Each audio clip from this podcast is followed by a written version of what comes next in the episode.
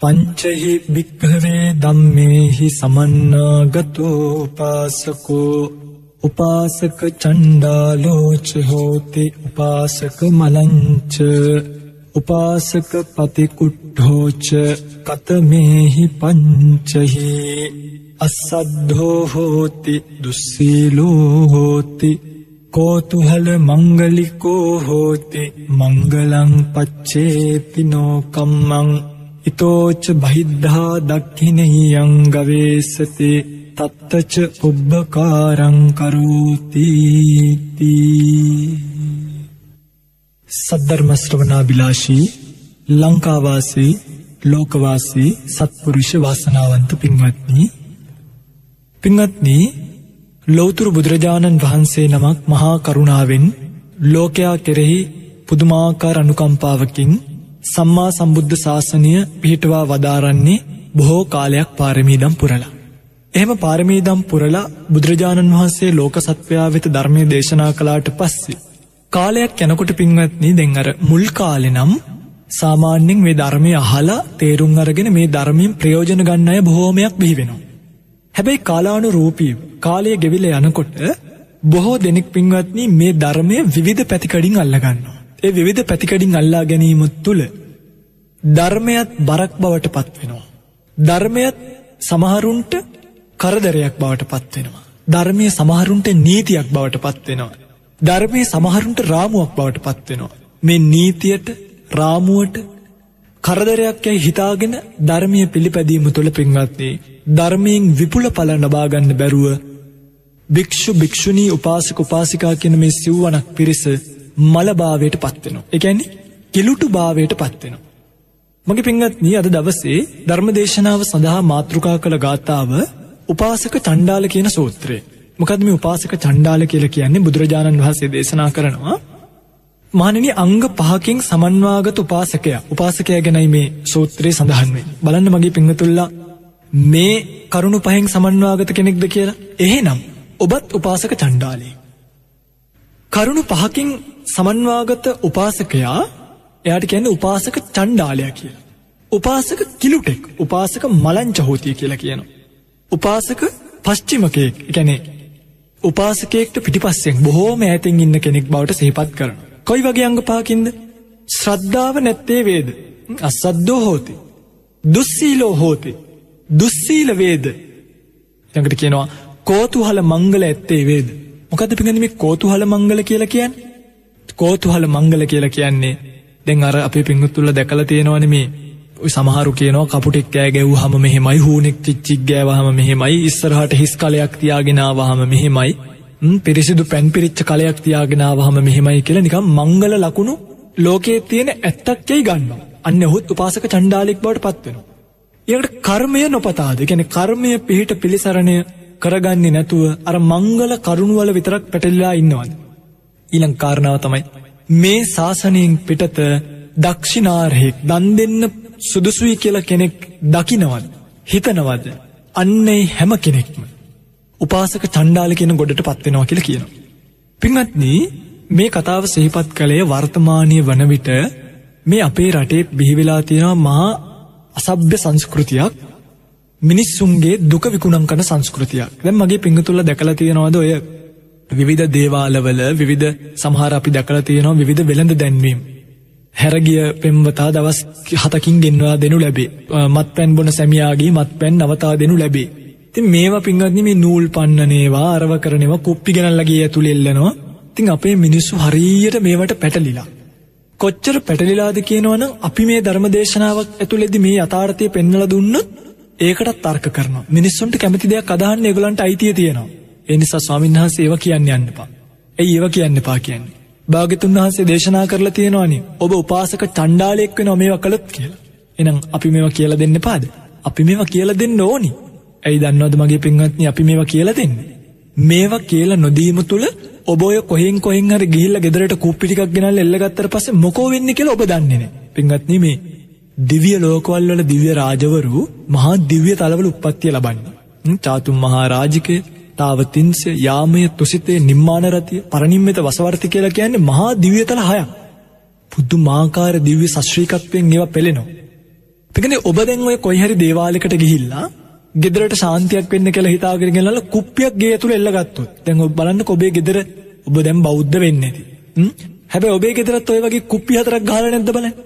බලන්න නැද්ද කියලා. අනිවාර්යෙන්ම පින්ගනි බොහෝ බෞද්ධ ගෙවල්වල ඔය කුප්පි හතර තියෙනවා. දැන් ඔබ හිතනවද ඔය කුප්පි හතරට මේ දෙවි දේවතාවුන් වහන්සේලා ඇවිල්ලා අරක් ගනී කියලා? මොකද මේ ඒ ඇත්තෝ පින්දහම් කරලා දිව්‍ය තලයකට ගිය කුප්පියක ඇවිල්ලා හිර වෙන්නද? නෑ.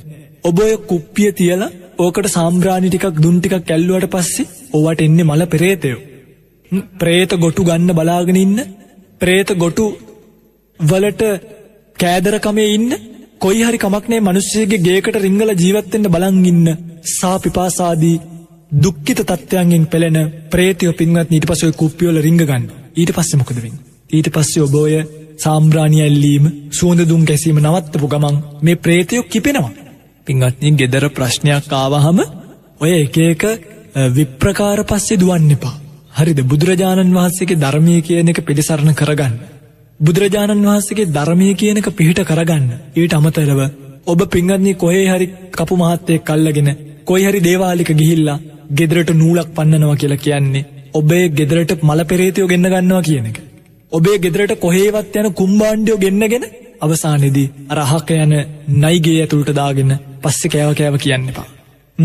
මේ පෙරේතය කුම්බාණ්ඩයෝ ගෙදරට ආවොත් පින්ගන්නේ ගෙදර අය ලෙඩ වෙන්න ගන්නවා. ගෙදර ප්‍රශ්න ඇති වෙන්න ගන්නවා. මේවා නවත්තන්න කිසිම කෙනෙකුට පුළුවන් කමක් නැහැ. මුළු ගෙදරම සොහන් පිට්ටනියක් වගේ පාළුවට යනවා. ගෙදරින් කසාද බැඳලා යන දුවට ප්‍රශ්න ඇති වෙනවා. ගෙදරින් කසාද බඳින්න ඉන්න පුතාට ප්‍රශ්න ඇති කරනවා. ගෙදරින් අම්මටයි තාත්තටයි ඔය සමහර ගෙවල් තියෙනවා පින්වත්නි අපි දැකලා තියෙනවා මේ මලමිනී වගේ. ඒ මුහුණු දැක්කාම කිසි ප්‍රියමනාප ගතියක් නෑ. හේතුව අර දේවාල පස්සෙ ගිහිල්ලා සුර දාගෙන මුදු දාගෙන මොනවද මේ කරන්නේ? ඇයි මේ භාග්‍යතුන් වහන්සේගේ ධර්මයේ වගේ ශ්‍රේෂ්ඨ ධර්මයක් තියෙනකොට නොපෙනෙන බලවේග පස්සේ ගිහිල්ලා ඔය ප්‍රේතයෝ මල පෙරේතයෝ කුම්බාණ්ඩයෝ ගෙවල් ඇතුළට ගෙනල්ලා දාගන්න. පස්සේ මේකෙන් කාටද කරදර වෙන්නේ? නෑ මගේ පින්වත්නි. එතන නෙමෙයි ඔබ බලන්න ඕනේ. ඔබේ ගෙදර ප්‍රශ්නයක් තියෙනවා නම් ගෙදර උළුහව මාරු කරා කියලා ওই ප්‍රශ්නේ විසඳෙන්නේ නෑ. ඔබ නිවැරදි කෙනෙක් බවට පත්වෙන්න. ඔබ ජීවිතයේ යථාර්ථය දකින කෙනෙක් බවට පත්වෙන්න. අන්න ජීවිතයේ යථාර්ථය දකින කෙනෙක් බවට පත්වෙනකොට උළුහව මාරු කරන්න ඕනි නෑ. භාගතුන් වහන්සේගේ දේශනාව පිළිගන්න කෙනෙක් බවට පත්වෙනකොට. ඒකේචි බුද්ධං සරණං ගතහස්වේ නතේ ගමිස්සන්ති අපාය. අන්න කවුරු හරි කෙනෙක් බුදුරජාණන් වහන්සේ සරණ ගියානම් ඔහු කවදාවත් අපායට යන්නේ නැහැ කිව්වා. බලන්නකෝ මේ සුගති සංගමොක් සැප ලබන මාර්ගයේ භාගතුන් වහන්සේ දේශනා කරපු. ඔබ මොකද කරන්නේ? දැන් සඳහන් කරලා තියෙනවනේ මහණෙනි නුඹලා මේ කැලෑවල් වල ආරණ්‍ය වල ඉද්දි නුඹලට යම් බයක් ඇති වුණොත් මොකද කරන්නේ? බුදුරජාණන් වහන්සේව සිහි කරන්න. ඉතිපිසෝ භගවා අරහං සම්මා සම්බුද්ධෝ. මේ ಗುಣ ටික සිහි කරන ඔබට ධර්මීය මනසිකාර්ය වෙන නිසා බිය නැති වෙනවා. දැන් ඔබ හිතන් ඉන්නේ ඉතිපිසෝ ගාතාව කියන්නේ යක්කුන්ට මතුරන මන්තරයක් කියලා. ඔබට ඕක මතක් වෙන්නේ කොහේ හරි තනියෙන් රෑ සෝනක් ගාවින් ගමනක් යනකොට විතරයි. නෑ. මේ තියෙන්නේ යක්කුන්ව බය කරන්න මන්තරයක් නෙමෙයි. යක්කුත් බය වෙනවා මේවා කියනකොට. හැබැයි මතක තියාගන්න ඔබම ගෙදරට යක්කු ගෙනල්ලා ඔබම ගෙදරට මල පෙරේතයෝ ගෙන්නගෙන ඔබම ගෙදරට කුම්බාණ්ඩයෝ ගෙන්නගෙන පස්සේ තිපිසෝ ගාතාව කියන්න යන්න එපා. දැන් ඔය ආටානාටිය සූත්‍රයේ සඳහන් කරනවා ඔය ආටානාටිය සූත්‍රය කියලා කියන්නේ පින්වත්නි බොහොම ලස්සන සූත්‍රයක්. ඔය සූත්‍රයේ අර්ථය තමයි කවුරු හරි ගිහි පින්වතෙක් වේවා පැවිද්දෙක් වේවා සිල් ගුණ දම් රැකගෙන මනුෂ්‍ය ලෝකේ වාසය කරද්දී යම් විදියකින් ප්‍රේතයෙක්ගෙන් කුම්බාණ්ඩයෙක්ගෙන් හෝ කොයි කාගෙන් හරි මොනවා හරි ප්‍රශ්නයක් Tamanට තියෙනවනම් හරිද මොකද කියන්නේ ප්‍රේතයෙක්ගෙන් කුම්බාණ්ඩයෙක්ගෙන් වගේ නොපෙනෙන බලවේගයකින් ප්‍රශ්නයක් තියෙනවනම් ඔන්න ආටානාටිය සූත්‍රයේ කීමු තුල ආටානාටිය සූත්‍රයේ සඳහන් කරනවා මෙන්න මේ අහවල් යක්ෂයෝ මට කරදර කරනවාය කියලා ඉහළට පැමිණිලි කරන්න කියලා. යක්ෂ සෙන්පතියන්ට පැමිණිලි කරන්න තියෙන්නේ. ගිහි පින්වතෙක් වේවා පැවිද්දෙක් වේවා කවුරු හරි කෙනෙක් ඉල්ලීමක් කළොත් මගේ පින්වත්නි ඒ ඉල්ලීමට අනුව අර නොපෙනෙන බලවේග අපෙන් දුරස් වෙලා යනවා. ඇයි? ඒ අයටත් තියෙනවා සමාගම්. ඒ අයටත් තියෙනවා රැස්වීම. හරියට ඔබේ මරණාධාර සමිති වගේ, ඔබේ ওই විවිධ ආධාර සමිති වගේ ඒ අයටත් තියෙන සමිති සමාගම්වලදී ඒගොල්ලන්ට වාරණ පනවනවා. අහවල් ගිහි ඇත්තට කරදර කරන්න එපා. කොළොත් නුඹට අපි මෙන්න මේ ලෝකෙට එන්න දෙන එක නවත්තනවා. අපේ සීමාවට එන්න දෙන එක නවත්තනවා. මෙහෙම කියනකොට ප්‍රේතයෝ, කුම්භාණ්ඩයෝ, මල පෙරේතයෝ බය වෙලා පිංගත්නි ඈතට දුවනවා.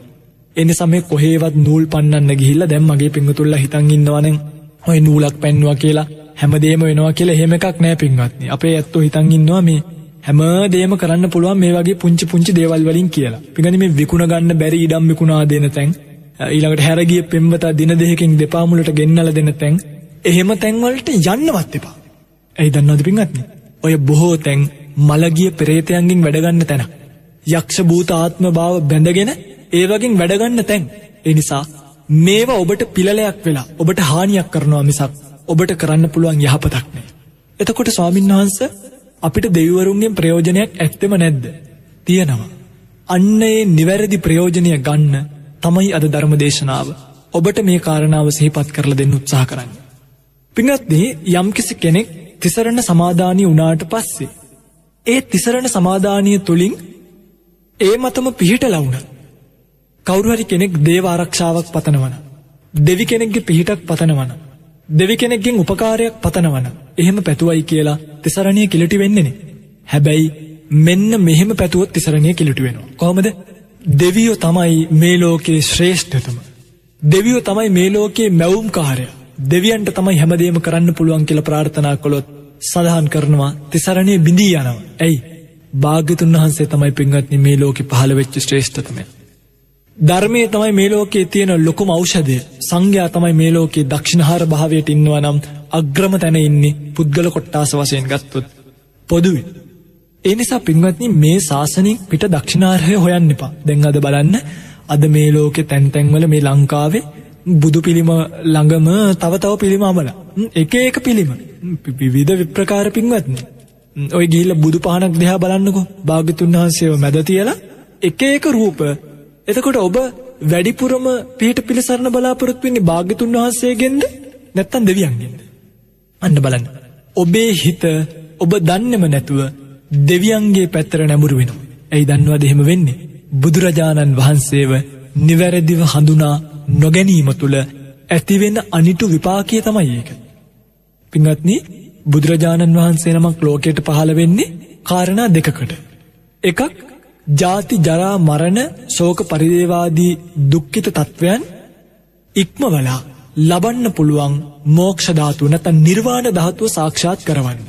අනිත් එක මිනිසුන් අකුසලයෙන් ගලවලා කුසලේ තැම්පත් කරවලා ස්වර්ග සැප ලබා දෙන්න හරියටම මාර්ගය දේශනා කරන්න තමයි භාගතුන් වහසේ ලෝකට පහළවෙන්න. ඉතිං ඔබ බුදුරජාණන් වහන්සේ නමක් ළඟට වැඩම කරලා ගෙදර ඉඩම විකුණලා දෙන්න නැත්තම් මට පෙම්බතෙක් හොයලා දෙන්න රැකිරක්ෂාවක් හොයල දෙන්න කීවට භාගිතුන් වහන්සේගේ ධර්මයට ඒව කරන්න පුළුවන්කමක් නෑ. තිං එතකොට ඔබට ඒව කරගන්න උපකාරයක් ගන්න බැරිද. පුළුවන්. සම්‍යත් දෘෂ්ටික දෙවිදේවතාවුන් වහන්සේලාගෙන් නිවැරදිව ඉල්ලන්ට. එහෙම ඉල්ලනකොට පිංගනුමෝදන් කරලා ඉල්ලනකොට විරූඩ විරෝපාක්ෂ දෘතරාෂ්ට වෛශ්‍රවන ශක්‍ර දේවේන්ද්‍රයාදී සම්‍යත් දෘෂ්ටික දෙවිදේවතාවුන් වහන්සේලාගෙන් පින් අනුමෝදන් කිරීමක් සිද්ධ කරලා නිවැරදි විල්ලන්ඩ. එහෙම ඉල්ලනකොට මගේ පින්ගත්නය ඔබට ලැබෙන්න ඕනි හැම දේම ලැබෙනවාම කියල එකක් නැහැ. නමුත් ඔබ නිවැරදිව ඒ පින් අනුමෝදන් කිරීම් කරලා දෙවියන් සතුට වෙන විදිහට පින් අනුමෝදන් කිරීම සිද්ධ කොළොත් නිසකවම ඔබට දෙවියන්ගේ රැකවරණයක් තියෙනවා. පිඟනි දැම් බුදුරජාණන් වහන්සේ හැමදේටම ධර්මය කියන එක මුල් කළ එනේ උදාහරණයක් විදිහට දැන් අසනීපයක් හැදෙන අසනීපයක් හැදුනහම භික්ෂුන් වහන්සේලා සමහරක් තැන්වලදි තියෙන ඔය බොජ්ජංග සූත්‍රවලහෙම පිරිත් කිය සුවවෙච්ච තැන්. එහෙමයි කියලා බුදුරජාණන් වහන්සේ කොතනකවත් දේශනා කළේ නෑ. අසනීපයක් ඇදුනාම බෙහෙත් ගන්නයන්න එපා පිරිත්ම කිය කියන්න කිය දැන්ව එක වෙලාවක භික්ෂුන් වහන්සේ නමකට අමනුෂ්‍ය අබාධයක් වැළඳෙනවා. වැළඳුනාට පස්සේ මොකද වෙන්නේ? මේ ගුරුවරයාට එකනේ උපාධ්‍යයන් වහන්සේට මේක හොඳ කරන්න පුළුවන්කමක් ලැබෙන්නේ නෑ. හොඳ කරන්න බැරිවෙන නිසා මේ භික්‍ෂුව යක්ෂ එකනෙවේ ආරූඩයෙන්ම ගිහිල්ලා ඌරුමස් තේන තැනකට ගිහිල්ල ඌරු මාංශය සහිත ලේ වලඳනවා. වැළඳුවට පස්සේ මේ භික්ෂුවට සමහරු නිග්‍රහ කරන. නිග්‍රහ කරනකට බුදුරජාණන් වහන්සේ. අනු දැන වදාරෙනවා දැන් බැන්නද ඇයි උඹ ගිහිල්ල මේ ඌරුමසුවිලේ බිව්ව කියලා නෑ ඇයි උඹ මංකපු පිරිතක් කියල හොඳ වෙන්න තිබන කියල බැන්නද නෑ අමනුෂ්‍යාබාද ඇති කල්හි ඒවා සුදුසු බව අමනුෂ්‍ය වේශයෙන් ගිහිල්ලා වලද නේවා සුදුසු බව අනුදැන වදාරණව කියලා ශික්ෂාපදයක් වෙනවා. අන්න බලන්නකු. එනම් ශාසනය තුළ පිරිතෙන් පිරිත් නූලින් විතරක් නෙමෙයි. අපිට පිටිනුත් උපකාර ගන්න පුළුවන්. අන්න ඒ උපකාර ගද්දී නිවැරදි තැනක පිහිටිය නැත්තම් ඒකයි මේ කියන්න වැරදි තැන්වල පිහිටියොත් නූල් පන්නන්න කොඩිවින කරන්න කුප්පි එල්ල ගන්න ඔව්වට ගියොත් පින්වත්දී ඒ වගේ තැන්වලදි තමයි ඔබට මේ හානිය කියන එක සිද්ධ වෙන්න. ඔබට නීතිමය ප්‍රශ්නයක් තියෙනවන පිරිත් පොති උපකාරය හොය හොය ඉන්න එපා යන්න නීතිීඥයෙක්කාවට. ඔබට රටේ වෙන යම්කිසි සංසිද්ධියකට අසාධාරණයක් කරගල්ති වෙලා තියෙනවන ඔබට අසාධාරණයට විරුද්ධ වෙන්න ඔන්න පිරිත් පොත දිහා බලන් ඉන්න එපා. පොලිසිය කියල තියෙන්නේ එකක් ඒකට. අසනීපයක් තියෙනවනම් පිරිත් පොත දිහාම බලන් ඉන්න එපා. වෛද්‍යවරු කියල පිරිසක්කින්නේ ඒකට. සම්පත් වලින් නිවැරදිව ප්‍රයෝජන ගන්න දගලන්න පින්වත්දී. එහෙම නැතුව නිකම්ම මිත්‍යා දෘෂ්ටික තැන්වලට ගොදුරු වෙලා ඒ තැන්වලට ජීවිත යට කරන්න එපා. එහෙම යට කිරීම පුදුමාකාර හානියක් බවට අපේ ජීවිතය පත් කරනවා. දැන් පින්වත්නී මම මෙහෙම කියාගෙනනකොට අපි දකින දෙයක් තමයි අද මේ ලෝකය ලෝකය පින්වත්නී තමා විසින්ම ජීවිතය කියනක වරද්දගෙනන්නේ. තමා විසින්ම වරද්දවාගත්තු ජීවිතය තව කෙනෙක්ට බාරදීල හොඳ කරගන්න උත්සාහ කරන්න එපා. මගේ පිංගත්තුල්ල නිකං හිතන්න හොඳ රසම රස කෑම එකක්. රසවම රස කෑම එකක් තියෙනවා අපි මේක අනාගත්තු. ඒක අර රසවත් භාවය නැති වෙනවා. ඒක අර තියෙන ප්‍රසන්න භාවය නැති වෙනවා. ප්‍රසන්න භාවය නැති වෙනකොට රසවත් භාවය නැති වෙනකොට ඒ කෑමක කණ්ඩ හිතෙන්නේ. පින්වත්නි මනුෂ්‍ය ජීවිතය කියලා කියන්නේ රසම රස ආහාරයක් වගේ එකක්.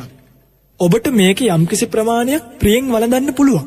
හැබැයි ඔබ මේක ප්‍රියෙන් වළඳන්න තියා ඔබ මේක කවලං කරගෙන අච්චාරුවක් කරගෙන ඉන්නේ. අද බලන්න ආදරය කියනකට වෙලා තියෙනද පින්වත්නි ආදරය කියන්නේ අකුසලයක්. හරිද? හැබැයි මේ බැඳීම කියන එක. කියන්නේ ආදරය සමග ඇතිවෙන ලෙන්ගතු බැඳීම කියන එක පාරමිතාවක් බවට පත් වෙනවා. දැන් මගේ පින්වතුන්ල මම දැක්කා පහුගිය දවස්වල මේ ආදරය කියන්නේ ලෝකයේ තියෙන සුන්දරම දේ ඒක නිකම් මෙහෙමයි මෙහෙමයි කිය කිය අකුසලයේ පැත්ත වර්ණනා කරනවා. නෑ. පින්වත්නි ඔබ ඔය හිතන් ඉන්න එක නෙමේ ආදරය කියලා කියන්නේ.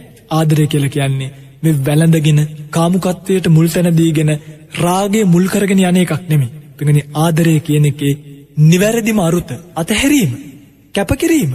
සොම්නසින් ඔබට පුළුවන් නම් අනිත් කෙනාගේ සතුට දැකලා සතුටු වෙන්න ආත්මාර්ථකාමී නොවි. දැන් ඔබ බලන්න ඔබත් එක කවුරු හරි කෙනෙක් ආදරෙන් බැඳිලා ඉඳලා වෙන් වෙලා ගියොත් ඔබ මොකද කරන්නේ? නිග්‍රහ කරනවා. ඇසිඩ් ගහන්න යනවා. මරන්න යනවා. එහෙම එකක් නෑ පින්වත්නි. සෙනෙහස කියන එක ආදරය කියන එක ලෙංගතුකම කියන එක අතහැරීම මත පදනම් වෙච්ච එකක් අතහැරීම මත කැපකිරීම මත පදනම් වෙච්ච එකක් ආදරය කෙලවර විවාහය නෙමෙයි ආදරය කෙලවර මරණයක් නෙමෙයි ආදරය කෙලවර ඊළඟ භවයක් නෙමෙයි ආදරය කෙලවර කොහිද ආදරේ කෙලවර තමයි පින්වත්නි පරිත්‍යාගය කියලා කියන්නේ. ආදරේ කෙලවර තමයි පින්වත්නි නිකලස් බවින් සියලු දෙනාම එකට එකතු වෙලා මිදිල යනවා කියලා කියන්නේ. දැන් මගේ පින්වත්නි කාන්තාව කියන කෙනා බලන්නකෝ. කාන්තාව කියන කෙනාට පුළුවන් මේ සමාජය වෙනස් කරන්න. කාන්තාව කියලා කියන්නේ පින්වත්නි හරියට හඳ කිරණක් වගේ. හිරු කිරෙනෙත් හඳ කිරණෙත් වෙනසක් තියෙනවා. ඉරත් එළිය දෙනවා. හඳත් එළිය දෙනවා. හැබැයි හිරු කිරණ ටිකක් දරාගන්න අමාරු. හැබැයි සඳකිරණ ඒක හරි සෞම්‍යයි. හරියට පිලිස්සිච්ච තුවාලෙකට කෝමාරිකා ටිකක් තියෙනකොට දැනෙන සනීපය වගේ කාන්තාවකට පුළුවන් මේ සමාජය වෙනස් කරන්න. අද සමාජය වෙනස් කරන්නේ කාන්තාවද. අද සමාජය අයහපත් කරන්නේ කාන්තාව. මගේ රත්තරන් දූල පුතාලා මතකතියාගන්න. ඔබ තවත් කෙනෙක්ගේ හිත නිවන භාවනාවක් වෙන්න. ඔබ තවත් කෙනෙක්ගේ ගත නිවන භාවනාවක් වෙන්න. චක්‍රවර්තී රජවරුන්ට පහළ වෙනවා පින්වත්නී බිරිඳක්. ස්ත්‍රීරත්නය. මේ ස්ත්‍රීරත්නය කොයිතරම් පින්වන්තයිද කියනවනම් චක්‍රවර්තී රජතුමාට උණුසුම් කාලෙදි. මේ ස්ත්‍රියගේ උකුලේ ඔළුවතියාගත්තට පස්සේ චක්‍රවර්ති රජතුමාගේ උණුසුම නැති වෙලා සීතලක් විතරක් දැනෙන්න පටන් ගන්නවා. චක්‍රවර්ති රජකෙනාට සීතල කාලේ මේ ස්ත්‍රියගේ උකුල උණුසුම් බව සඳහන් කරලතිය. අන්න බලන්නකෝ. කෝමාරිකා ටිකක් ඇඟට දැම්ම වගේ සනීපයක් දැනෙන්න ඕනි. හඳ කිරණෙන් වැටෙන කිරණ වැදිලා එයින් සුවපත් වෙනවා වගේ සුවපත් භාවයක් දැනෙන්න ඕනි. එහෙම නැතුව අනුන්ගේ රාගේ අවස්සන විදිහට ඇඳ පැළඳගෙන අඟ පසඟ පෙහෙන විදිහට ඇඳ පැළඳගෙන තවත් කෙනෙක්ගේ කාමුකත්වය නම් ඔබ ඉස්මතු කරන්නේ ඔබ ඔහුට භාවනාවක් නෙමෙයි. ඔබ ඔහුට පිළලයක්. මේ මගේ රත්තරන් දරුව ඔබට පුළුවන් මේ සමාජය වෙනස් කරන්න. හැබැයි ඔබ මේ සමාජය වෙනස් කරන්න ෑනේ මගේ රත්තරං අම්මල තාත්තල බලන්න. ඔබට ඔබේ මහත්තය දැන් අපි දකිනවා. සිල්ගන්නාවත් වැඩිපුරමින්නේ කාන්තාව. තාත්තකෝ කිය ලැවහම කියනවා තාත්වලට පන්සල්ලෙන්න්න විදිහක් ඔය මනුස්සයට කොච්චර කිව්වත් පන්සල්ලෙන්නේ අම්මේ මං අහන්නේ මොකක්ද ඔබේ මේ අවුරුදු ගානක විවාහ ජීවිතය අර්ථය? තාත්තල නරකනේ. තාත්තල දානේ හදන්න උදව් කරනවා. දානේ අරගෙන පන්සල ගාවටම ගෙනල්ලා දාලා යනවා. හැබැයි පන්සලට එන්නේ නැහැ අම්මලගෙන් ඇහුවාම කියනවා ඔය මිනිස්සයා කවදාවත් පන්සලට එන්නේ නැහැ කියලා. මගේ රත්තරන් පින්වත්නි තමන්ගේ ස්වාමියාව පන්සලට ගේන එක කාගේ අතේද තියෙන්නේ? තමන්ගේ ස්වාමියාව පන්සලට ගේන එක තියෙන්නේ බිරිඳගේ අතේ. ඔය බිරිඳ ගිහිල්ලා අද තමන්ගේ ස්වාමියාට කියන්නේ ඒයි දැන් ඇති මේ ජීවිතේ මේ දුක්වින්ද අපි ටිකක් පන්සල පැත්තට යන් ආදරෙන් සෙනෙහසෙන් කතා කරන්න එන්නේ නැද්ද කියලා බලන්න. එහෙම නෑ. ඔබ ඔක්කොම පුදුමාකාර ආත්මාර්ථකාමී බවකි. නිකං ඒ ඔක්කෝම අමතක කරලා දාලා හරි අමුතු ජීවිතයක් ජීවත් වෙන්න හදන්න. එහෙම කරන්න එපා. පෙඟනි බෝසත් චරිත කතා දිහා බලන්න. බෝසත් චරිත කතා දිහා බලලා ඒ කරපු කැපකිරීම ඒ කරපු අතහැරීම් Tamanගේ ජීවිතයට එකතු කරගෙන එවැනි කාන්තාවක් බවට ඔබ පත්වෙන්න. එවැනි පුරුෂයෙක් බවට ඔබ පත්වෙන් පිගනි එහෙම කාන්තාවක් එහෙම පුරුෂයෙක් වුණොත් ඔබේ පවුල් ජීවිතය සාර්ථක අයි නොපෙනෙන දෙවියන් පස්සෙ දුවන්න ඕනි නෑ. මම මේ කියන්නේ අපි මේ ජීවිතේ විනාශ කරගෙන අපි මේ ජීවිතේ නාස්ති කරගෙන අපි මේ ජීවිතේ දොම්නසට ඇදදාගෙන වෙනත් බලවේගවලින් පීට හොයන්න යනවා කියන්නේ ඒක පුද්දු මාකාර අපරාධයක් මගේ පික්වත් අද ලංකාවට ලෝකයට වීගෙන යනව විශාල විනාශයක් ඔබට තේරෙනවද නැද්ද දන්නේ නෑ. නමුත් බලන්න අද ස්ත්‍රී ජනගානී ලෝකෙ වැඩි සියයට පනස් දෙකක් ඉන්න ස්ත්‍රී. ලංකාවෙත් එහෙමයි හරි සියයට හතලිස් අටක්කින්නේ පුරුෂයෝ කෙනෙ. ඔය ස්පිරිතාලවල් වල උත්පත්ති වාර්තාව සංගණනය කරහම සියයට හතලිස් අටයි පිරිම උත්පත්ති ලැබෙන්නේ. සියයට පනස් දෙකක් ලැබෙන්නේ කාන්තා උත්පත්ති. දැන් මොකද ටිකටික වෙලා තියෙන්නේ. පිරිමි දරුවෝ පුංචි පුතාලා අධ්‍යාපනයෙන් වෙන් වෙනවා. අවුරුදු දාසයක් වෙනකොට ඉස්කෝලෙන් එලියට එන්නේ ගංජ සොරුට්ටුවට පුරුදු වෙච්ච සිකරට් එකට පුරුදු වෙච්ච මද්‍රව්‍ය වලට ඇබ්බැහි වෙච්ච දරුවෝ. එතකොට ඉස්කෝලේ අධ්‍යාපන ක්‍රමවේදය මේකද? අද බලන්න ඉස්කෝලේකට ගියාම වැඩිපුර ඉන්නේ පිරිමි ගුරුවරුද ගැහැණු ගුරුවරුද? ගැහැණු ගුරුවරු. ඉස්පිරිතාලෙකට ගිහිල්ලා බලන්න වැඩිපුර ඉන්නේ පිරිමි අයද ගැහැණු අයද? ගැහැණු අය. සමිතියකට සමාගමකට ගිහිල්ලා බලන්න දායක සභාවට ගිහිල්ල බලන්න ඕ නෑම තැනකට ගියොත් වැඩිපුර මේ ශාලාවින්නේ කාන්තාව. ඒ නිසයි මං කිව්වේ කාන්තාවකට පුළුවන් මේ සමාජය වෙනස් කර. ඉස්කෝලෙදි උගන්වන විෂයට අමතරව දැන් අපේ රටේ හරි වැරදීමේ වන අධ්‍යාපන ක්‍රමවේදය සකස් වෙලා තියෙන්නේ තනිකරම නුවන අවබෝධය මත පදනම් වෙච්ච එකක්. හැබැයි ඒක ප්‍රඥාව ගැන කතා කරන්නේ නෑ. ගුඩ්මෝනිින් කියන්න උගන්නන කටවල් තෙරුවන් සරණයි කියන්න උගන්නන්නේ නෑ. මං කියන්නේ සිංහල බෞද්ධ ළමයි. සිංහල බෞද්ධ ගුරුවරු පාසලට ගයාට පස්සේ ගුඩ්මෝනිින් කියන්න විතරක් උගන්නන්න එපා. ඒක නෙමෙයි අපේ ආභාෂය. ඒක නෙමෙයි අපේ සංස්කෘතිය. ඒක නෙමෙයි අපේ පැවැත්ම. තෙරුවන් සරණයි කියන්න උගන්නන්න. එතනිනම් පටන් ගන්න. අන්න එතකොට නුවනට එහා ගිය අවබෝධයට එහා ගිය ප්‍රඥාවක් එක්ක හැදෙන ළමයි ටිකක් මේ ලෝකෙට බිහිවෙන. අද දොස්තර නෝන කෙනෙක් ගාවට යන්න අද දොස්තර මහත්මයෙක් ගාවට යන්න ඉස්සර දොස්තර මහත්වරුන්ට සැලකුවේ දෙවිවරු වගේ. දොස්තරට කියන්නේ දෙවියෙක් කිය. අද අද දෙවියෙක් කියන්න පුළුවන්. අද දෙවියෙක් කියන්න බෑ. ඇයි හේතුව. වකුගඩු දෙක ගලෝල විකුණනවන අසත්පුරුෂව අසනීප වෙලාගේ මනුස්සෙක්ට කතා කරන්න බැරින මට මතකයි එක වාරයක් මම දොස්තර මහත්මයෙක්ව දැක්ක මිය දෙන්න පනාදින ලෙඩෙක් ගාවට ගිල මේ පින්වන්ත දොස්තර මහත්මය කතා කරන විශේෂක්ඥ වෛද්‍යවරේ මොකද මගේ තාත්තේ. මනුෂ්‍ය ලෝක හිටිය ඇතිද. දැන් දිවිය තලයකට යන්න දොය හදන්නේ. කොයි දිවිය තලයට දොය යන්න හදන්න. තාත්ත කරගත්තු කුසල් මතකද. තාත්‍ය බුදුරජාණන් වහන්සේ තමයි අපිට මේව පෙන්නුවේ. තාත්තට විතරක් නෙමේ. මමත් මැරෙන් ඉන්න කෙනෙක්. ඒ නිසා තාත්ත බයවෙන්න එපා. තාත්ත මේ ජීවිතයවර කරලා හොඳ දිව්‍ය තලයක උපත්තිය ලබන්න. මෙන්න බලන්න මගේ පින්වත්නි මනුෂ්‍යත්වය තරම. අන්න වෘත්තිකයෙක් නෙමෙයි. කැන වෘතියෙන් එහාට ගිය මනුෂ්‍යයෙක් බිහිකරපු තැන. මං කියන මේ අපේ ස්කෝලේ අධ්‍යාපන රටාව එතනිනම් පටන්ගන්න රජයෙන් අවවාදනකං ඉන්න එපා. ඔබට කවරුත් කියල දිල නෑන ගුඩ් මෝනිින් කියන්න ගන්නන්නද තෙරුවන් සරණයි කියන්න ගන්නන්නද කියල. මන්දැක්ක මීය පෙරේද කොහේද මන්ද ස්කෝල එක? පන්සිල් දෙන එක නැවත්තුවට. දැන් හොඳයිද පන්සිල් දෙන එක නවත්තල හෙට අනිද්දට අහස දිහා බලාගෙන නොපෙනෙන දෙවියන්ට වදින්න ගත්තට පස්සේ ඔබට තේරෙයි ඔබ ඔබේ සමාජ යුතුකම අමතක කරලා. ඔබ ඔබේ සමාජ වගකී මමතක කරලා නොපෙනෙන දෙවියන් යදින්න ගිය එකේ විපාකය ඔබට ලැබිච්ච බව. පිඟන්නේ මේවා කියනකොට සමහරු අපිට කියනවා දැන් ඔය අපි ඇත්තටම අපේ බෞද්ධ සංස්කෘතියට අදාළ නැති දේව සංස්කෘති ගැන සමහරක් තැන්වලදී විවේචනය කරනවා. මගේ පින්වත්නි මේ විවේචන ඉස්සරහා මේ බෞද්ධ සමාජය ගන්න අපි කියන පණිවිඩය නෙමෙයි. කියන්නේ අපි මේ කියන දැන් ඔය ඇත්තන්ට මතකයි නම් මම ගියවරත් සිහිපත් කරා මේ ණයාරු ප්‍රශ්නය. ඒක ණයාරු වල සිද්ධ වෙච්ච සිදුවීම තනිකරම අපේ මිනිසුන්ගේ වරදින් වෙච්ච සිද්ධියක්. දැන් ඕක ඔහොම නෙමෙයි. මගේ පිංගුතුල්ල ඇවිල්ලා බලන්නකො ත්‍රිකුණාමලේ පැත්තට. නැගෙනහිර පළාත්වල වෙලා තියෙන විපාක. අපි යනකොට සමහර ආරණ්‍ය සේනාසනවල බුදු පිළිම පොළව ඇතුලේ වල දාලා තිබ්බේ. ඒ කියන්නේ හිස පැත්ත පොළව ඇතුලේ වල දාලා. නිකන් සිමෙන්ති ගොඩක් විතරයි උඩට පේන්න තිබ්බේ. සියලුම චෛත්‍ය හාරලා දාලා. නිදන් සියල්ල අරගෙන ගිහිල්ලා. බුදු පිළිම වහන්සේ නමක්වත් නෑ. පුරාණ ගඩොලක් දෙකක් විතරක් ඉතුරු කරලා ඉතුරු සියලුම දේවල් අරගෙන ගිහිල්ලා කඩලා බිඳලා දාලා. අද ඒවට අයිතිවාසිකම් කියන්නේ ඒව අපේ රටේ නෙමෙයි වගේ බොහෝ දෙනෙක් එනවා පින්වත්නි. ජාතිවාදය වපුරගෙන එනකොට අපි ජාතිකවාදය ගැන කතා කරනකොට අනේ හරීම කනගාටුවට කරුණ නම් සිංහල බෞද්ධ අපේ ළමයි වෙන කවුරුත් නෙමෙයි. සිංහල බෞද්ධ අපේ ජනතාවම අපිට චෝදනා කරනවා ඔය නම් කිව්වේ බණක් නෙමෙයි. ඔය මොකක් ගැනද කතා කළේ? පින්වත්නි, ඇයි මේවා බණක් නෙමෙයි ගාන්ට ගන්නෙ? මේ ඔබට බයිනව නෙමෙයි. මේ ඔබට කරදර කරනව නෙමෙයි. මේ ඔබට බලහත්කාරකම් කරනව නෙමෙයි. මේ ඔබට බලපෑම් කරනව නෙමෙයි. මේ ඇත්ත තේරුම් කරාට පස්සේ මේ ඇත්ත මත පිහිටන්න ඔබට බැරිනම් මං කියන්නේ ඔබේ ජීවිත කුප්පිවලට යට කරන්න එපා. ඔබේ ජීවිත නූල් කෑල්ලකට යට කරන්න එපා. ඒක නෙමේ ජීවිතේ මගේ පින්වත්නි. කැපකිරීම කරන්න පුරුදු වෙන්න. පරිත්‍යාග කරන්න පුරුදු වෙන්න. තව කෙනෙක්ගේ ජීවිතේ ලස්සන දැකලා තව කෙනෙක්ගේ ජීවිතේ සතුට දැකලා ඊර්ෂ්‍යාකම් කරන්න නෙමෙයි. කුහකකම් කරන්න නෙමෙයි. මහා පර්වත හතරක් අපේ පැත්තට පෙරලීගෙන යනවා වගේ වේගයෙන් ජාති, ජරා, ව්‍යාධි, මරණ කියන මේ දේවල් අපිව තලාගෙන පෙලාගෙන යනවා පින්වත්නි.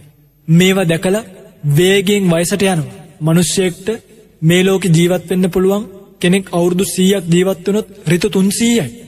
දවස් 36000යි. පිටින්දි මතක තියාගන්න. දවස් 36000ක් විතරයි ඔබ අවුරුදු 100ක් ජීවත් වුණත් මේ ලෝකෙ ඔබට ජීවත් වෙන්න පුළුවන්.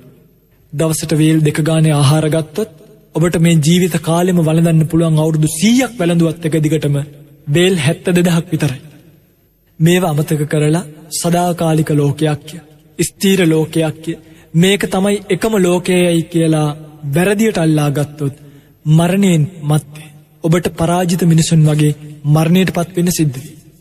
එනිසා මගේ රත්තරං දුවල පුතාල විශේෂයෙන් ඔබට තියෙනව වගකීම අම්මල තාත්තල සමහරක් විට දැන් ඔය වයසක ඇත්තන්ට සඳහන් කරන්නේ දිරච්ච ඉරටු කියලානි. ඇයි? දිරච්ච ඉරටු නවන්න පුළුවන් බෑ. දිරච්ච ඉරටු නැව්වොත් දිරච්ච ඉරටු කඩල යන ඔය වයසක අම්මල තාත්තල කියලා කියන්නේ සමහරක් වෙලාවට මගේ පින්වත්නි මේ මගේ රත්තරන් දුවේ පුතේ දිරච්ච ඉරටු වගේ. ඒවා දැන් අපිට නවන්න පෙරලන්න බෑ. ඒ නිසා අපි ඒගොල්ලත් එක්ක තර්ක කර කර ඉන්න නෙමෙයි. අපි ඒගොල්ලත් එක්ක වාද විවාද කර කර ඉන්න නෙමෙයි. අපි හරි දේ තේරුම් ගමු අපි නිවැරදි දේ තේරුම් ගමු අපි නිවැරදි දේ තේරුම් අරගෙන අපිට පුළුවන් නම් අපේ ජීවිතය ධර්මානුකූල පැත්තකට යොමු කරන්න. විශේෂයෙන්ම ඔබේ සාංශාරික හතුරු. මේක හොඳට මතක තියාගන්න. මේ සාංශාරික හතුරු ඔබ ළඟින්ම උපදින්න තියෙන ඉඩකඩ තමයි වැඩි. මේ ජීවිතයේ කියන්නේ මනුස්ස ජීවිතය සහ බෝසත් චරිත කතා අධ්‍යයනය කරලා බැලුවාම අපිට පේනවා පින්වත්නි අපි ළඟින්ම උපදින්නේ අපේ සාංශාරික හතුරු. පලිගන්න. මොකද වෙන්නේ පලිගන්න ඉපදිලා. අපිව අපාය පැත්තට තල්ලු කරලා දාන ලෝකයේ පැත්තට අතරමං කරලා දාන දේවල්ම අපේ ඔළුවලට දෙනවා. හදිසියවත් නිකන් හිතන්නකෝ ඔය සාංශාරික හතුරෙක් සර්පෙක් වෙලා ඉපදුනොත් එහෙම එකපාරක් හපලා නිකන් ඉන්නේ නැහැ. පැන පැන කනවා. හොයාගෙන එනවා. අන්න සාංශාරික හතුර තමයි අපි ළඟින් ඉපදිලා ඉන්නේ කියලා මතක තියාගන්න. ඒගොල්ලෝ පෙන්නන පෙන්නන දැන් අපේ රටේ තියෙන දේව වන්දනා සංස්කෘති, දේවාල සංස්කෘති, නූල් පැන්වීමේ සංස්කෘති, හැරගිය පෙම්වතා ගැන්වීමේ සංස්කෘති. මේ දේවල් වලට මොන තරම් මේ ලෝකේ යට වෙලාද මන් දැක්ක ඊයේ පෙරේදා මට වීඩියෝ දර්ශනයක් පෙන්නුවා. ඒ වීඩියෝ දර්ශනය කතා කරේ පුංචි ගැහැණු දරුවෝ දෙන්නෙක් කවුරුත් 16 17 වගේ ගැහැණු දරුවෝ දෙන්නෙක් ඒ පුතෙක් කානවා ගිහිල්ලා ඕගොල්ලෝ මද්ද්‍රව්‍ය පාවිච්චි කරනවද? ගංජා බොනවද කියලා. පින්වත්නි මේ දරුවෝ කියන ප්‍රසිද්ධ මාධ්‍යේ ඔව් අපි බොනවා. බලන්න අපේ රටට වෙච්ච දේ.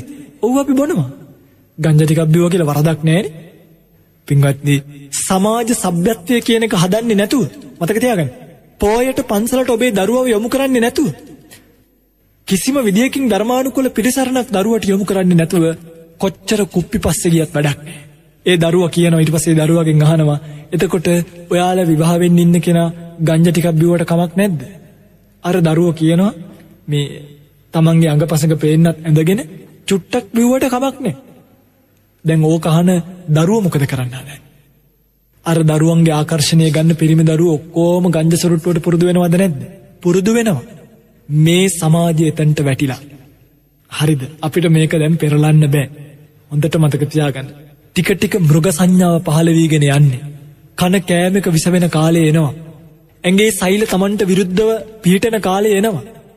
පිළිකා හැදිලා ඇඟ ඇතුළෙන්ම අපිව මරණයට පත් කරන කාලය දැන් එනවා. බලන බලනත රෝග නිදාන අපිව රෝගවලට පත් කරන කාලය දැන් එනවා. ඒක එන්න ඔබ ඔබේ වගකීම නිසියාකාරව ඉටු නොකිරීම ලොකුම ලොකු හේතුවක් කියනක මතක තියාගන්න. අද ළමයි දන්නේ හැසිරෙන්න ඕන විදිහ. ළමයි ඔක්කෝම තමන්ගේ ජීවිත විනාශ කරගන්නවා එක එක දේවල් භාවිතා කර පිගනි දුරකථනය කියන්නේ නරක එකක් නෙමෙයි. නමුත් දුරකථනය වැරදියට භාවිතා කිරීම තුළ ඔබේ දරුව නරක් වෙන්න පුළුවන්. මේ අම්මල තාත්තලා තමන්ගේ දරුවගේ දුරකථනය පරීක්ෂා කරලා බලන්න යම් මට්ටමකට හෝ මොකද මේවත් එක කරන්න කියලා. පිඟදි එහෙම නැතිවුණොත් ඔබේ දරුවා නොමගට යනකම්ම ඔබේ දරුවාගේ මනස විකෘති භාවයට පත්වෙනකම්ම ඔබ දන්න ඇතිවේ හැබැයි අදම්මල තාත්තල මොකද කරන්න. දරුවගේ ෆෝන් එකේ බණ ටිකක් තිබ්බොත් දරුවගේ ෆෝන් එකේ භාවනාවක් ගැන තිබ්බොත් අන්න එතකොට හිතනවා දරුවට පිස්සු හැදිලා කියලා. බණ ටික තමයි අයින් කරන්න හදන්නේ. නේ? පින්වත්නි බණ ටික අයින් කරන්න යන්න එපා. ඒකෙන් තමයි දරුවා ශක්තිමත් කෙනෙක් බවට පත් වෙන්නේ. ඒකෙන් තමයි දරුවා නිවැරදි දැක්මක් තියෙන කෙනෙක් බවට පත් වෙන්නේ. පින්වත්නි දැන් අපිට මතකයි අපේ තාත්තලා ඉස්සර අපිට පින්වත්නි තනියෙන් පාර යන්න ඉගැන්නුවා. කොහොමද ඉගැන්නුවේ? තනියෙන් කියන්නේ අපි එතකොට ගොඩාක් පුංචි අවුරුදු 10යි. ඒක පහ වසරේ විතර. තනියෙන් අපිව පාරේ යවුවා. තනියෙන් පාරේ යවලා අතට බස් එකට අවශ්‍ය කරන සල්ලිත් දීලා තාත්තා පිටිපස්සෙන් එනවා. ඇවිල්ලා එක දවසක් දෙකක් නෙමෙයි. අපි පාර මාරු වෙනකන් තාත්තා තනියම පිටිපස්සට වෙලා බලන් ඉන්නවා හරියට පාර මාරු වෙනවද කියලා. ඒ තමයි තාත්තා. නිවැරදි දේට හුරු කරවන්නේ තාත්තලා. නිවැරදි දේට හුරු කරවන්නේ අම්මලා. හැබැයි නිවැරදි දෙයින් ගලවන්නේ. නිවැරදි දෙයින් ගලවන්නේ කවුද? ඒ අම්මල තාත්තලා නෙමෙයි. ඒ සාංශාරික හතුරු. හොඳට මතක තියාගන්න. මේ පිංගතුල්ලා තමන්ගේ දරුවන්ව ගිහිල්ලා අර කුප්පි වලටයි දේවාල ගාන්ටයි දැන් ගොඩාක් තව තියෙන ප්‍රශ්නයක් තමයි පොඩ්ඩ නැත්තම් අපේ මිනිස්සු මානසික වෛද්‍යවරු ගාවට යනවා. පිඟදි මොකක් හරි මානසික ප්‍රශ්නයක් තියෙනවා නම් මානසික වෛද්‍යවරයෙක් ගාවට ගියාට කමක් නැහැ. හැබැයි මේ මානසික වෛද්‍යවරයෙක් ගාවට යනවා කියනක ඔබ හිතන්න එපා රැල්ලක් කියලා. ඒක වීරකමක් කියලා හිතන්න එපා. ඔය මානසික වෛද්‍යවරු ගාවට ගියාම ඒගොල්ලෝ දෙනවා පින්වත්නි දැන් 100ක් සත්පුරුෂ නැහැ. බොහෝ අය නිකන් වෘතියක් විදියට ඔහේ බෙහෙත් එකක් ලියලා දෙනවා. නිකන් හිතන්නකො ඔබේ දරුවෝ එක්කන් ගියාට පස්සේ ඔබ දැන් බෙහෙත් දියන දන්නෙත් නෑනේ. ඔය ගේ පෙත්තක් දුන්නොත් ඔබ හිතයි කහපාටයි එක පෙත්තයි අනේ ඉතින් කමක් නෑ කියලා. ඕක දවසට එකයි බොන්න තියෙන්නේ. පිංගන්‍ය ඕව බොනකොට නහර වේලෙනවා. නහර පණ නැති වෙනවා. දරුවත් බොයි. ඔබ දන්නෙත් නැති නිසා දෙයි. අවසානයේදී මොකද වෙන්නේ? අවසානයේදී චින්තන ශක්තිය නැති වෙනවා. ඒ දරුවගේ දරුවන්ට ඒක බලපානවා. පිංගන්‍ය ඔබේ දරුවව මානසික වෛද්‍යවරයෙක් ගාවට එක්කන් යනකොට මතක තියාගන්න. ඒ දරුවගේ මනසට ඍණාත්මක සිතිවිලි කොච්චර ඇතිලි වෙනවද? ඒ ඍණාත්මක සිතුවිලි අනේ මම මානසික රෝගියෙක්ද කියන පීඩාවෙන් ජීවත් වෙන දරුවට බෙහි වෙන දරුවත් මන්ද මානසික රෝගියෙක් බවට පත් වෙන්න පුළුවන්. ඍණාත්මක සිතුවිලි වලින් යුක්ත දරුවෙක් බවට පත් වෙන්න පුළුවන්. ඒ නිසා අද හරීම කනගාටුයි කියන්නේ. අද දරුවෝ දරුවන්ගේ වගකීම කරන්නේ. අම්මලා තාත්තලා අම්මලා තාත්තලාගේ වගකීම කරන්නේ. පින්වත්නි මං හැමතිස්සෙම කල්පනා කරන දෙයක් අපිට මේ රට දැන් දැන් හදන්න බැරි අරාජික මට්ටමකට පත් වෙලා. පේන භෞතිකයට යට වෙලා මහ පින්වත්නි ඊටාම කවලම් වෙච්ච රටක් බවට මේක පත් වෙලා. අනේ මගේ පින්වත්නි මේ බුද්ධ ශාසනය පිහිටන රට භාග්‍යතුන් වහන්සේ දුකසේ පිහිටවපු සම්මා සම්බුද්ධ ශාසනය භාග්‍යතුන් වහන්සේ පිරිනිවන් මංචකේ වැඩිඳලා කියනවා සක්‍ර දේවේන්ද්‍රය මාගේ බුද්ධ ශාසනය ලංකා දීපයේ පිහිටන්නේ. පින්වත්නි අනේ ඔබව විශ්වාස කළානේ මගේ භාග්‍යතුන් වහන්සේ. අනේ පින්වත්නි මාව විශ්වාස කළානේ මගේ භාග්‍යතුන් වහන්සේ. මේ ලංකා දීපයේ පිහිටන ශාසනය මම රැකගනී කියලා ඔබ රැකගනී කියලා මගේ භාගතුන් වහන්සේ විශ්වාස කලානේ. විසි අසංකයේ කල්පලක්ෂයක් පාරමී පුරලා අහසි තියෙන තරු පරදවල ඇස් දන්දීලා පොළවෙ තියෙන පස් පරදවල මස් දන්දීලා මේ ශාසනය කෙරෙහි ආදරෙන් මේ ශාසනය ලංකා දීපෙහි පිහිටන බවට මගේ භාගිතුන් වහන්සේ විශ්වාස කලානේ. ඇයි ඔබ මේ විශ්වාසය පළුදු කරන්නේ. ඔබට ආපව බුද්ධ ශාසනයක් ලැබෙන එකක් නෑ. පිංහත්නි සරණා ගමනය කියන එක ලෞකික ලෝකෝත්තර වශයෙන් කොටස් දෙකයි. මතකතියාගන්න සෝවාන් පලස්ත පුද්ගලයට විතරයි සරණා ගමනය කියන එක භවාන්තරයේදි නැතිවෙන් නැත්ති. සෝතාපන්න පලයට පත්වනොත් බවහතක් ඇතුළත ඒ කාන්තෙම නිවන් දකින නිසා අබුද්ධෝත්පාද කාලයක වුණත් සරණාගමනය කියනක ලෝකෝත්තර භාවයට පත්වෙනවා. හැබැයි ලෞකික සරණාගමනයක් තියෙන ඔබ මතකතියාගන්න. ඔබට මේ ජීවිතය විතරයි තිසරණ පිහිට ලැබෙන්. ඔබ පෘතක්ජන භාවයෙන් ඔය වගේ මුලා වැඩ කරලා මෝඩ වැඩ කරලා මරණයට පත් වුණොත් මතකතියාගන්න බව අන්තරයේදී එකැනි බවගාමී ගමනෙදී ඔබට තිසරණය අහිමි වෙනවා. ඔබ ඊළඟ ජීවිතය තරුවන් සරණක උපාසකෙක් වෙයි කියලා හිතන්න එපා. ඔබ ඊළඟ ජීවිතය බුද්ධ ධර්මය අදහන බෞද්ධයෙක් වෙයි කියලා හිතන්න එපා. මොකද ලෞකික සරණා ගමනය බවාන්තරයේදී අතුරුදහන් වෙනවා. පින්වත්නී අද බලන්න කොයි තරන් නක්ෂස්ත්‍ර කියන ඉන්නවද කොයි තරන් ජෝතිශ්‍ය කියන ඉන්නවද ඇයි ඔය කාටවත් මතක් නොවනි අහවල් දවස බෝම්භයක් ගහනවා රටේ මිනිස්සු මරණයට පත්වෙනවා කියන. මන් දැක්ක කෙනෙක් කියල තිබ්බ ඒ කෙනෙක් ගහරි හඳහනක් අපිට දීල තිබ්බලන් අපි කියනවා. පිඟ නේන අපි මුළු රටම එකතු වෙලා අපේ හදහන්ටිකේ මනුස්සයට දෙමුකු. එතකොට මේ මුළු රටම වෙන්න තියෙන වේසනය කියන්න එකයි. මේ මොන්න ඇයි පින්වත්න මේ බොරුවලට රැවටෙන් දෙකං තරකයට රැවටෙන් ඔබ මොනවද මේ හොයන්නේ දැන් උපාසක චණ්ඩාලයක් වන්න බලපාන තවකාරණාවක් කියෙන මේ ශාසනයෙන් පිට දක්ෂිණහාරය හොයයිද. දක්ෂිනාහර කියලා කියන්න පින්වන්නේ පූජා දෙන්න සුදුසුවයි. දැන් ඔබ බලන්න මන් දෙකපු දෙයක් නොම මේ අනුරාධපුරෙන් උඩට හැම තැනම දෙවි කෙනෙක් වන්දනාමාන කරනවා. ඔබට ඕනෙම නම් ගම්බාර දෙවියෝ කියලා ඉස්සර වැඳ පුදාගත්ත ඔය චාතුම් මහාරාජික දිව්‍ය තලවලිනං ඇවිල භූමස්තව වාසය කරපු දේව කොට්ටාසය. දැන් ඒවනේ දැන් ගම්බාර දෙයුනේ මේ මගේ පිංහතුල්ල හිරමන අරගෙන ගිහිල්ල. අර මුද්දරස් පලං දාලා පොල් කිරි දාලා කිරිබත් හදලා එක ඒක දේවල් කරලා දැන් කාටද දන්දෙන් බුදුරජාණන් වහන්සේට නෑ දක්ෂිණහාර භාවයක් හොයන උපාසකයා උපාසකයෙක් නෙමෙයි. උපාසක චණ්ඩාලයෙක් කියර සඳහන් කරන. අපි කවදාවත් භාග්‍යතුන් වහන්සේගේ සිමින්ති පිළිමයක් කරමුණු කරන්නේ නෑ.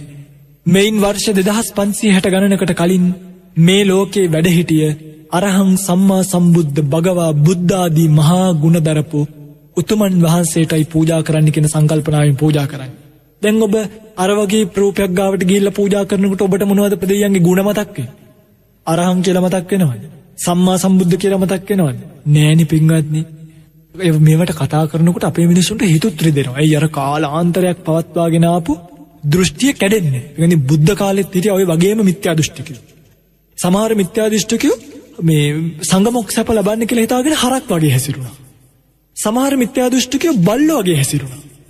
භාගතුන් වහන්සේ දේශනා කරන ඔබ යන්නෙත් බල්ලෙක් වගේ නම් කන්නෙත් බල්ලෙක් වගේ නම් ඉන්නෙත් බල්ලෙක් වගේ නම් උඹට ඉළඟාත්මේ ලැබෙන්නේ බලු ජීවිතය. ඔබ යන්නෙත් හරකෙක් වගේ නම් කන්නෙත් හරකෙක් වගේ නම් මේ වෘත සමාදන් වෙලා. ඉන්නෙත් හරකෙක් වගේ නම් උඹට ඊළඟාත්ම ලැබෙන්නේ හරක් ජීවිතය. එනිසා මේ මිත්‍යා දෘෂ්ටිවල අපි බැසගෙනින් ඕනි නෑ. අපිට පුළුවන්කම ලැබෙන්න ඕනි මිත්‍යා දෘෂ්ටි කඩාගෙන මිත්‍යා දෘෂ්ටි බිඳගෙන උඩට මතුවෙලා එන්න. එහෙම මතුවෙලා එනකොට තමයි මගේ පින්වත්නි අපිට පුළුවන්කම ලැබෙන්නේ නිවැරදි දැක්මක් ඇති කරගන්න. අන්නේ දැක්මට යටවෙලා මං මේ කියපු සමාජ පසුබිම හදාගන්නවා විනා. හරිද තමන් කාන්තාව කාන්තාවගේ යුතුකම සමාජිත් ඉටු කරනවා විනා. පිරිමිය තමන්ගේ යුතුකම සමාජයට ඉටු කරනවා විනා. කුප්පි හතරක්ගේ මුල් එල්ලගත්ත කියලා සමාජය යහපත්වෙන්නේ. අර උත්තර මාතාව කරපු කැපකිරීම ඔබට මතකයිනම්. උත්තර මාතාවගේ ස්වාමිය රාගයට ඉතාම බැඳිලා හිටි. උත්තර මාතාවට බණහන්න යන්න දුන්නේනේ. ඒ නිසා මොකද කළේ කිසිම කාන්තාවක් නොකරන කැපකිරීමක් කළා.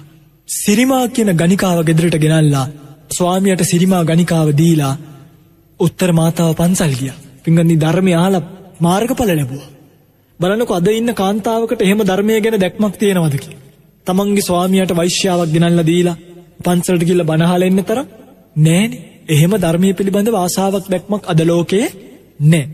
එනිසා ඔය නූල් පන්නන්නයි දේවාලගානී සාම්බ්‍රාණිදුනුයි ගෙදරට අල්ලල් ඉන්න නැතුව. ධර්මය කියනක ජීවිතයට එකතු කරගන්න.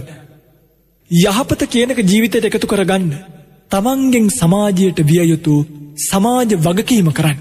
එහෙම කොළොත් යහපත් සමාජයක් ගොඩනගෙනවා විනා හොඳට මතකතියාගණ්ඩ ගෙදරට දුම්කුඩු අල්ල අල්ල කුප්පිගෙනල්ල එල්ල එල්ල ගෙදර මිදුල එකක දේවල් වලදදා හිටියොත් ඔබේ ගෙදර සොහොන් බිමක් බවට පත්වෙයි.